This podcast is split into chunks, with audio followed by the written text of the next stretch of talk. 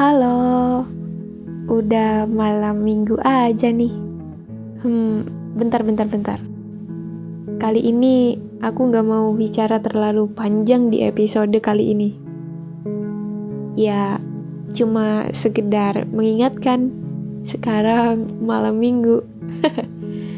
Terkesan uh, awkward sih ya, karena aneh banget biasanya aku kan bahas yang masalah tentang sedih-sedih mulu, galau-galau mulu.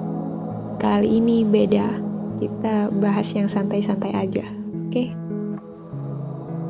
Malam minggu gak harus sama pacar kok.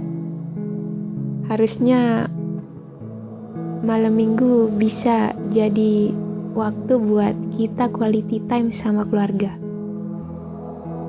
Kalau aku pribadi, malam minggu lebih asik sama keluarga.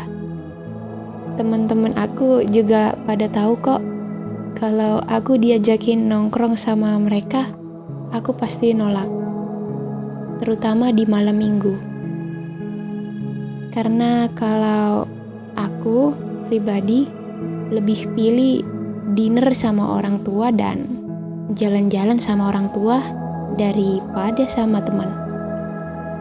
Mungkin kalian pikir malam mingguan sama keluarga itu adalah tipe anak yang pengecut, gak punya pacar, gak punya temen.